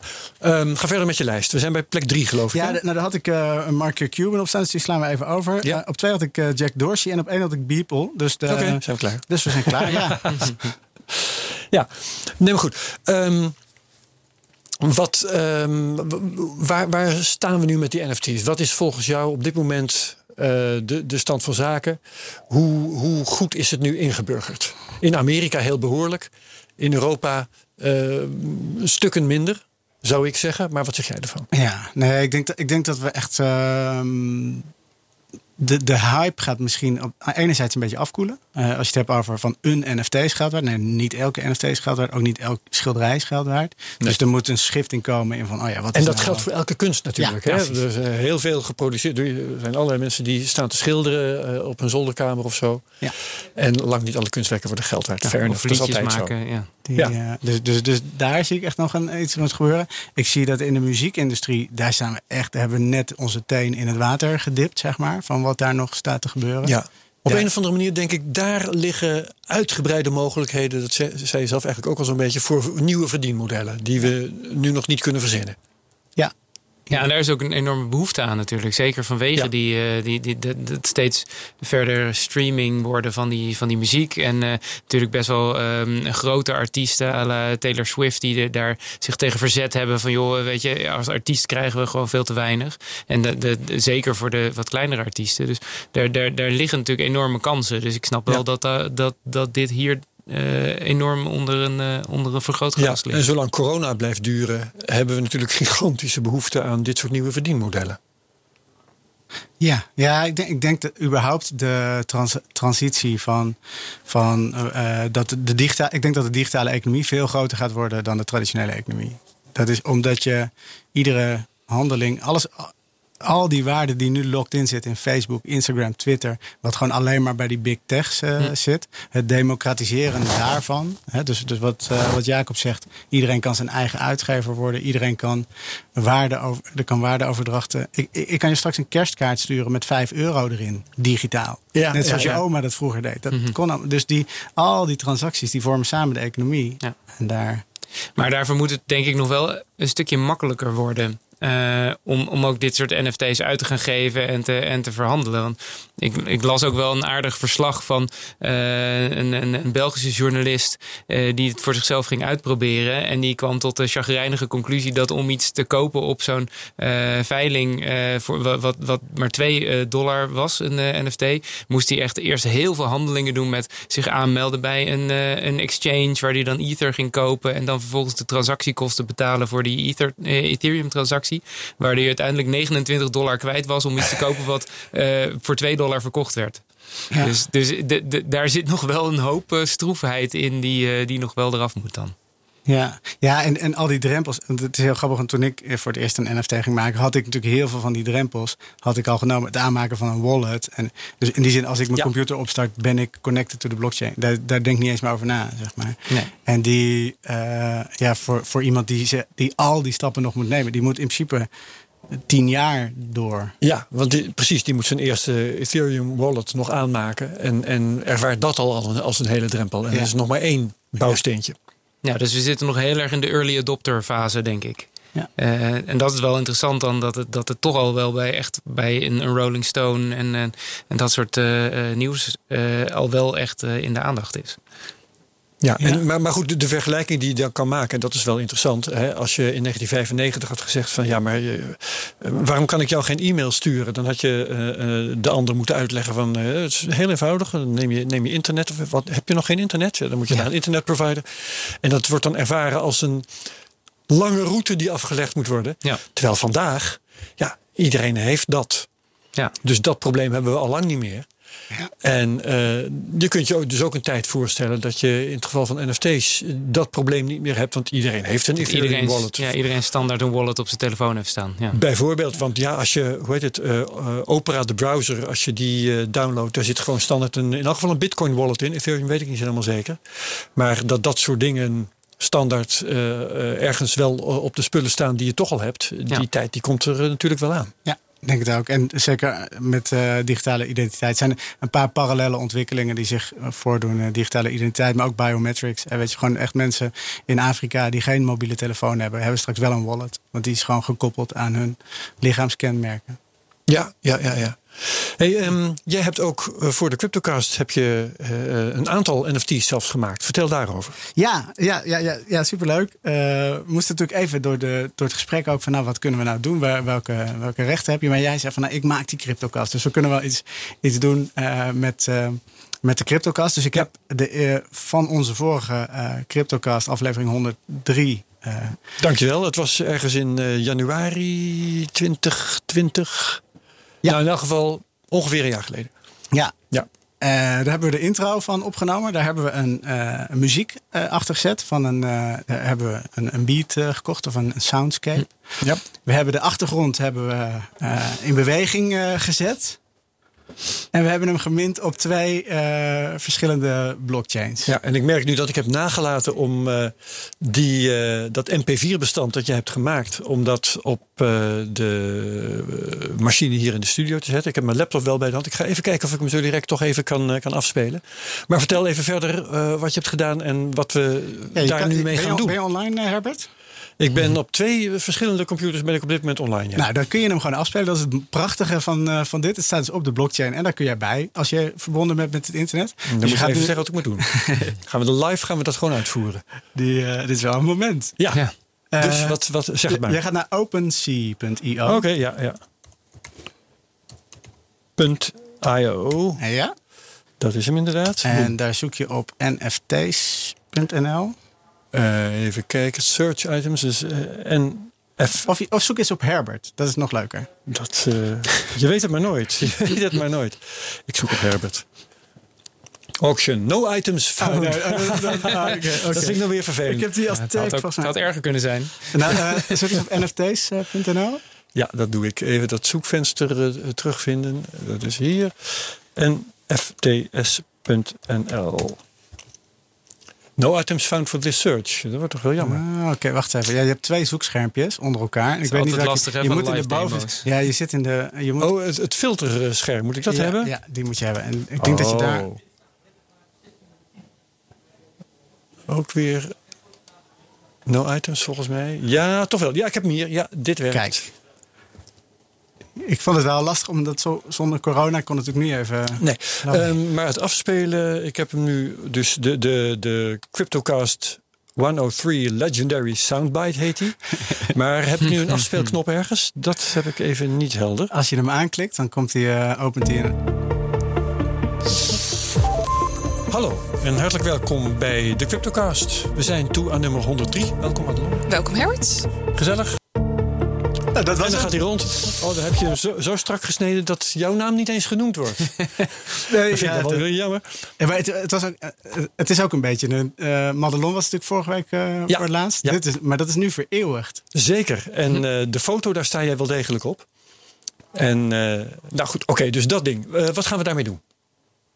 Uh, nou, ik heb dus twee. Ik heb hem op de Ethereum blockchain uh, ge, gemint. Wat wel leuk is, is daarvan, is dat sommige adressen van, van bekende mensen zijn, uh, zijn, zijn bekend. Mm -hmm. Dus bijvoorbeeld het, het adres van de oprichter van Ethereum, van Vitalik Buterin. Ja. Dus we kunnen hem gewoon, we kunnen hem gewoon naar hem toesturen. Daar kan hij niks tegen doen. Daar kan hij niks tegen doen. dus NFT-spam is dit. spam, ja. Ja. ja, nee, dat wordt echt een soort spam. Dus die, en die, die wordt dan morgenochtend wakker. En ik denk van, nou, eens even kijken wat ik in mijn wallet heb. Ja. ja. En die, dus, dus in die zin zie ik daar ook wel reclameachtige toepassingen straks uh, in. Uh, ja. Ja, inderdaad. Maar dan krijg je dat dus uh, voor spam krijg je, en nog steeds trouwens, in je uh, e-mailbox. Maar je kunt dus ook spam gaan krijgen in je Ethereum wallet. Ja, dat gebeurt ook regelmatig. Dat gebeurt al hoor. Dat ja. gebeurt al. Oké, nou ik kijk niet zo vaak in mijn Ethereum wallet. Dus, uh, en overigens, Maakt, uh, maakt het nog uit wat voor Ethereum wallet je hebt? Want kan elke willekeurige Ethereum wallet dit soort dingen ontvangen? Nou, dat je opeens ziet staan, je hebt een NFT gekregen? Je stuurt het naar een 0x adres, zeg maar. Dus naar een Ethereum uh, ja. adres. Um, en dan heb je in principe verschillende de, kijk, op Etherscan bijvoorbeeld, gewoon in de basis kun je al inzien dat jij een token hebt gekregen. Dat is dan, mm -hmm. dan zie je dat gewoon als ja, als nulletjes en eentjes met soms een beetje tekst. Uh, maar als je inlogt op bijvoorbeeld OpenSea of als jij uh, inderdaad in bepaalde wallets, die kunnen dat gewoon afspelen. En daar ga je denk ik nog wel verschillen in krijgen ook. Maar het is een, uh, ik moest het even opzoeken om zeker te zijn dat ik het niet verkeerd zeg. Het is een ERC 721. Ja. Standaard token, toch? Ja, ja. dat is deze. Ja. Dat is, uh, die, dat is die de standaard voor non-fungible tokens. Ja, ja er, zijn, er zijn er twee als ik goed begrijp. Eén heb jij nu net genoemd en de ander heeft een ander nummer. Um, heb ik het goed? Nee, nee, nee. Ik, nee? Ik, ik, heb er eentje gemint op de Ethereum uh, blockchain. Ja, ja. Nee, dat, dat is deze dat specifieke is NFT. Maar er zijn twee verschillende belangrijke standaarden op dat gebied. Dat wou ik zeggen. Ja, en, en er is ook wel, daar begint nu een beetje onderscheid in te komen met dingen zoals. Um, uh, is hij splitsbaar? Of kun je er iets in hangen? Of zo. Ah, dus er worden ja, uiteindelijk ja, ja. steeds meer Eh, Dat ontwikkelt zich, want eh, het oorspronkelijke verhaal was die NFT. Ja, dat is eh, een ding dat is niet, niet verwisselbaar en zo. Nee. Hè, eh, zoals geld dat wel is, is die NFT dat niet. Het is een individueel ding. ja. Maar jij zegt, eh, in een modernere standaard kun je hem toch in 50 stukjes hakken en die over de wereld verspreiden. Ja, over dat- 50 eh, dat soort dingen. Familieleden of zo. Hm. Ja, dus en, en Teamleden. het aantal, daar zullen ongetwijfeld steeds ontwikkelingen in zijn over wat die, eh, Ja, wat je daarmee kunt. eh, Ja. Ja, ehm, we zijn al eh, bijna vijf kwartier bezig. Wat voor belangrijke dingen hebben we nu nog niet verteld? Nou, ik wil nog heel even die, die andere. Ik heb hem op de Fantasma Oh blockchain Ja, eh, precies. ge, ge, gemint ook. En wat het leuke is, daar, daar kun je als een soort kindersurprise kun je er iets in stoppen. Oké.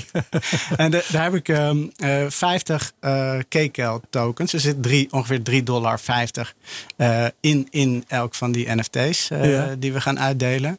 Maar ja, als, het- als dat straks ontploft, dan is dat misschien zomaar het equivalent van een NFT waar 10 bitcoin in, eh, in zit. Dat zou zomaar kunnen. Je bedoelt dat, dat ze veel geld waard worden? Ja, dat zou zomaar kunnen. Ja, dus je hebt 50 van dat soort tokens. Ja, die zitten per, per. NFT zitten die erin. Die zitten er gewoon in. En wat stel je voor dat we daarmee gaan doen? Nou, we gaan die NFT's weg. Dus jij hebt, jij hebt er eentje, Jacob heeft er eentje, ik heb er eentje. We sturen eentje naar Madelon, dacht ik. Ja, lijkt me een uitstekend plan. Ehm, en dan hebben we nog eentje over. Dan hebben we nog eentje over. Zullen we die verloten? Dat Op is, een of andere manier onder onze luisteraars. ja, dat, zou- dat, eh, dat zou kunnen. we, we bedenken dit dus gewoon as we go. Hè? Ja, precies. We hebben dit heel goed voorbereid. Om een wedstrijd uit te schrijven. eh, d- want voor, voor hetzelfde geld wordt dat gehackt door een of andere slimmerik. Ehm, Ik denk dat dat voor 3,50 dollar nog wel mee, eh mee ja, ja, ja, ja. Nee, maar goed, u wilt wel dat het leuk wordt. Ehm, zullen we gewoon zeggen wie de, de geestigste tweet eh, hierover stuurt? Die krijgt hem. Ja. Oké, luisteraars. eh CryptoCastNL. Een reactie of een, ja, een, een, een mededeling aan ons over de NFT die Hubert Jan heeft gemaakt van eh, de openingsscène van CryptoCast nummer 103. Zoek Ja. die terug. Ik heb hem overigens niet zo. Ik heb hem met NFTS gemaakt. En daar hebben we allemaal mensen die. Sommige mensen doen muziekjes, andere mensen doen beeld en zo. Mhm. Ik kan dat allemaal niet. Oké. dus we hebben een, het is een co-productie geweest. Het is een co-productie. Je hebt niet in je eentje gemaakt, wil je zeggen. nee. Oké, eh Hubert Jan bijgestaan door een eh, compleet team van ongetwijfeld zeer vaardige en eh, interessante mensen. Kunstenaarscollectief. Moet je dan zeggen. collectief van Roest. Oké, dus daar krijgen we straks allerlei tweets over. Ik ben heel benieuwd hoe dat zal gaan. Ik zal ook, nou ja, de, het, de oorspronkelijke MP4, die zal ik maar even op YouTube zetten, dat mensen in elk geval kunnen, kunnen kijken waar ze op reageren. Je kunt ook trouwens naar OpenSea.io, hè, precies wat ik heb gedaan. Ja. Dat heb ik net precies geschetst, dus eh, dat moet voldoende zijn. Ik zet hem niet op YouTube. Hij staat op OpenSea, kun je hem afspelen en eh, dan reageren op CryptoCastNL op Twitter. Mooi. Eh, verder nog inhoudelijk belangrijke dingen niet verteld over NFT's, Hubert Jan. Nee, ja, ik raak er niet over uitgepraat. Maar volgens mij hebben we al heel veel gehad. Het, het- een van de gekste dingen hebben we het helemaal nog niet over gehad hoor. Maar eh, eh, wat ik altijd zo raar vind is de naamgeving van dit soort dingen. Dus het heet een non-fungible token. Dus het beste wat je erover kan zeggen is wat het niet is. Ja, eigenlijk. dat is een grappige eh, constatering. dus ik, ik heb zoiets, dit moet- hier moet toch een, een keer een marketingteam eh, een veel betere naam voor kunnen verzinnen. Roepen we meteen ook toe op. worden. Bedenk een betere naam voor NFT. Komt niet meer natuurlijk, hè, want dat zijn nu al NFT's. Maar hoe Ja, hadden ze eigenlijk moeten heten? Ja, precies. Ja, Ja. Hoe hadden ze eigenlijk Nifties hoor ik. eh, Nifties wordt wel eens Nifties. gebruikt. Maar ik vind dat, ja, Ja, ik ja, vind het net niet helemaal. Dus ik vind wel die wedstrijd is wel een goed, eh, goed idee. Oké, die is bij deze uitgeschreven. Mooi. Anders nog iets? Hubert-Jan van Roest, heel hartelijk bedankt. Graag gedaan. Ehm, Jacob Boersma, ook heel hartelijk bedankt. ja, jij ook. En eh, jou gaan we in ieder geval terug. Trouwens, jou, Hubert-Jan, ook nog wel hoor. Volgende keer, over een jaar of zo, gaan we het weer over NFT's hebben. Als het allemaal ingestort is. Als Nou ja, het- uiteengespat is. Of als het monumentaal groot is geworden, want wie weet. Ah. Hè? Dus ik dank jullie allemaal wel. Eh, De CryptoCast van volgende week, dan hebben we het dus over de belasting met fiscaal jurist Dennis Jongbloed. En een nog nader aan te wijzen co-host. En eh, nou ja, CryptoCast.nl. eh, op YouTube zijn we ook CryptoCast.nl. Eh, maak reviews op Apple Podcast en zo. Daar zag ik trouwens dat we nummer 1 staan eh, op het terrein van technologie. Trouwens op Spotify ook. Dus de CryptoCast groeit lekker mee met de Bitcoin koers. Zal ik maar zeggen. Het is ook voor ons een bullrun. Iedereen die geluisterd heeft, dankjewel. Mijn gasten, dankjewel. En verder tot volgende week. Bye. Deze podcast wordt mede mogelijk gemaakt door Amdax. Het handelshuis voor de serieuze cryptobelegger.